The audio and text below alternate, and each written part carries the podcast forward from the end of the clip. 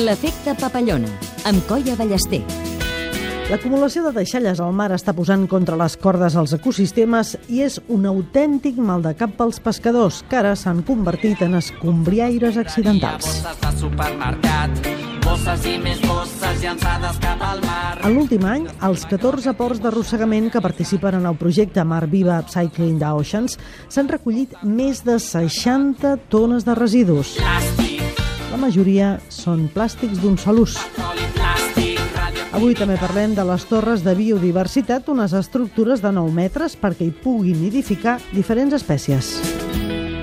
L'efecte papallona. Cada dia més de 200 barques catalanes d'arrossegament amb més de 1.000 pescadors surten al mar per recollir peix, però també per recollir deixalles marines. En els últims dos anys han aconseguit rescatar del Mediterrani més de 100 tones de residus que s'han portat a reciclar i que en bona part tindran una segona vida. Això forma part d'un projecte que va arrencar al Port de Barcelona i que s'ha anat estenent per 13 ports catalans més. Entrem al Port de Barcelona amb el reportatge de la Txell Vallespí i Salva Pou. Això que n'hi ha aquí és la celulosa, ja que tapona tot, tot, tota la malla, tot l'art. Que aquesta sàrcia, això és per llançar. todo lo que se fa de la celulosa que ve de la salvallí, compresa pañal, tot això és un problema tremendo. I quan això se junta amb la Poseidonia, se fa un fil i s'enreda en la malla que tapona tota l'art i perdem. Tenim que canviar fins i tot el tipus de xarxa que tenim per pescar.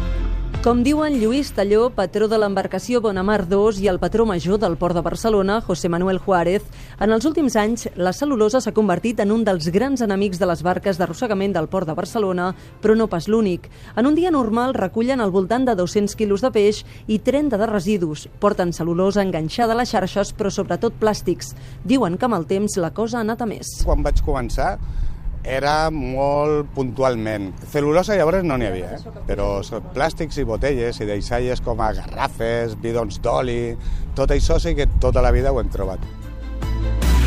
Tenim contenedors diferents per a poder tirar el plàstic, per a poder tirar la celulosa, per a poder tirar les llaunes, per a poder tirar la goma, que també defenses, rodes, eh, flotadors de crios de, de, de, de l'estiu que se perden, tot això va per al fons. I els únics que fan de basureros a la mar som nosaltres. Escombriaires circumstancials que acaben recollint de tot i de totes mides, com apunten Juan Soler de l'embarcació Hermanos Parrones i el patró major. Una nevera o una cocina, creo que era. Muñecas, troncos de árboles también, sillas de plástico, de esas de los camping o de los, de los bares de la playa.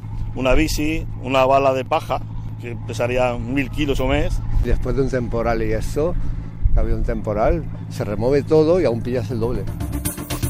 L'any 2017, la recollida i reciclatge de deixalles marines s'estén als 14 ports d'arrossegament de Catalunya. es van treure 50 tones de deixalles i a 2018 eh, les xifres van augmentar fins a les 61. Els ítems eh, top, diguem, eren les bosses de plàstic, que significaven gairebé el 50%, eh, les ampolles de plàstic, que significaven sobre el 20%, i els envasos de plàstic, que significaven sobre el 15%. Xavier Delgado, tècnic de l'Agència de Residus de Catalunya, assenyala que els residus que arriben a port es porten a una planta de triatge, se separen en fraccions i també es valoritzen. I específicament el que, són, el que és el plàstic PET, el típic de les, de les ampolles, és el que Ecoalf utilitza després per fer les seves prendes i accessoris de roba. Per arribar aquí, abans, les ampolles es trituren i es fabriquen petites escames. Es porten a, a una empresa catalana situada a Girona, que és Antex, i Antex el que fa té la capacitat de fer-ne fil, que finalment es pot convertir en teixit i es pot confeccionar una peça, un accessori de roba. I així el que hem llançat i acabat embrutant al mar torna als nostres armaris. L'efecte papallona. Hola, eh, sóc l'Ester Fanlo, biòloga i responsable de sostenibilitat de l'Ajuntament de Lleida. M'han demanat que expliqui el projecte de la instal·lació d'una torre de biodiversitat que hem fet a Lleida. És una torre metàl·lica d'uns 9 metres d'alçada que hem col·locat al turó de Gardeny amb una plataforma per a la nidificació de les cigonyes a la part superior i després diferents caixes refugi instal·lades al llarg de tota la torre per la d'altres espècies animals.